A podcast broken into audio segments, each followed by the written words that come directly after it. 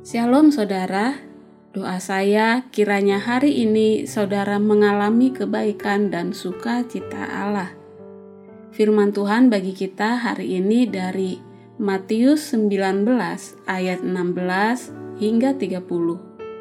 Terkhusus saya bacakan ayat 23 hingga 26. Yesus berkata kepada murid-muridnya, Sesungguhnya aku berkata kepadamu, Sukarlah bagi orang kaya untuk masuk ke dalam kerajaan surga.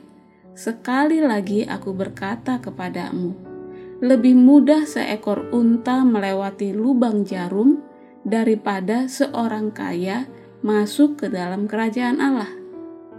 Mendengar hal itu, murid-murid sangat tercengang dan berkata, "Jika demikian, siapakah yang dapat diselamatkan?"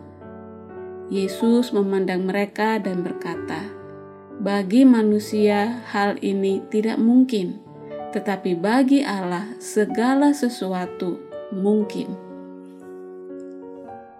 Ada hal yang hanya bisa didapat dari Allah dan tidak bisa kita cari dari manusia. Dan bila Allah sudah memanggil kita melakukan sesuatu, kita pun tidak bisa menunggu untuk Allah saja yang melakukannya.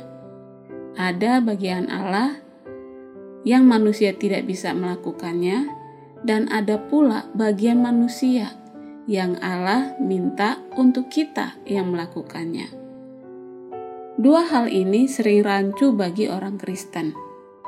Seorang istri meyakini bahwa suami wajib membahagiakannya.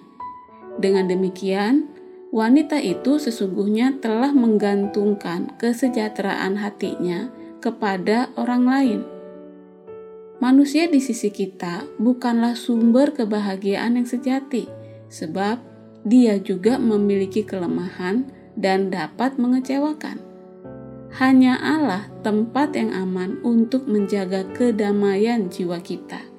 Intinya, dunia tidak pernah bisa menyelamatkan bumi diciptakan untuk mengarahkan kita kepada satu-satunya yang mampu memberi damai dan peristirahatan bagi hati yang mengembara. Saat ini, banyak orang yang percaya Tuhan, tetapi mencari-cari di dunia apa yang hanya bisa didapat dari atas. Di sisi lain, banyak orang yang tergoda untuk melakukan sebaliknya menunggu Allah untuk mengerjakan apa yang jelas-jelas sudah Ia perintahkan untuk kita lakukan, dan Ia juga sudah memberi kita kekuatan untuk itu. Banyak orang yang menghadapi keretakan relasi kerap berkata, "Sekarang aku hanya bisa menunggu Tuhan memulihkan hubungan ini." Kedengarannya sih rohani, tetapi itu salah. Bila ada masalah dengan saudara kita, Alkitab menyuruh kita untuk datang kepadanya dan berdamai. Sewaktu Israel harus memasuki tanah perjanjian, Allah mau membelah sungai Yordan, tetapi ia memerintahkan para imam untuk melangkah masuk ke air. Allah mau mengalahkan Yeriko, tetapi ia memanggil anak-anaknya untuk berjalan mengelilingi tembok kota itu. Allah berjanji menyediakan, tetapi Dia memanggil kita untuk bekerja, berdoa, dan memberi. Allah saja yang sanggup menyelamatkan, tetapi Dia memanggil kita untuk bersaksi, menyatakan bukti, memberitakan, mengajar, menghidupi, dan berkhotbah.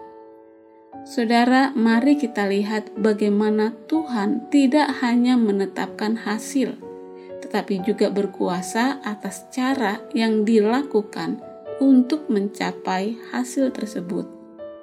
Jadi, hidup beriman adalah beristirahat dan bekerja.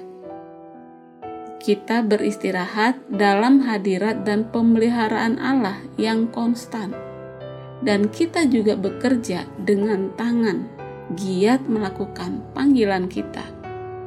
Kita beristirahat dalam pekerjaan dan bekerja dalam peristirahatan. Ada kalanya kita bekerja karena kita percaya bahwa Allah yang sedang bekerja memanggil kita untuk bekerja juga. Di waktu lain, kita beristirahat dari pekerjaan itu karena kita percaya hanya Allah yang dapat melakukannya. Jadi, mari kita beristirahatlah dan bekerja. Bekerjalah dan beristirahat Inilah ritme kehidupan iman. Kiranya Tuhan menolong kita untuk memahami dan menghidupinya. Amin.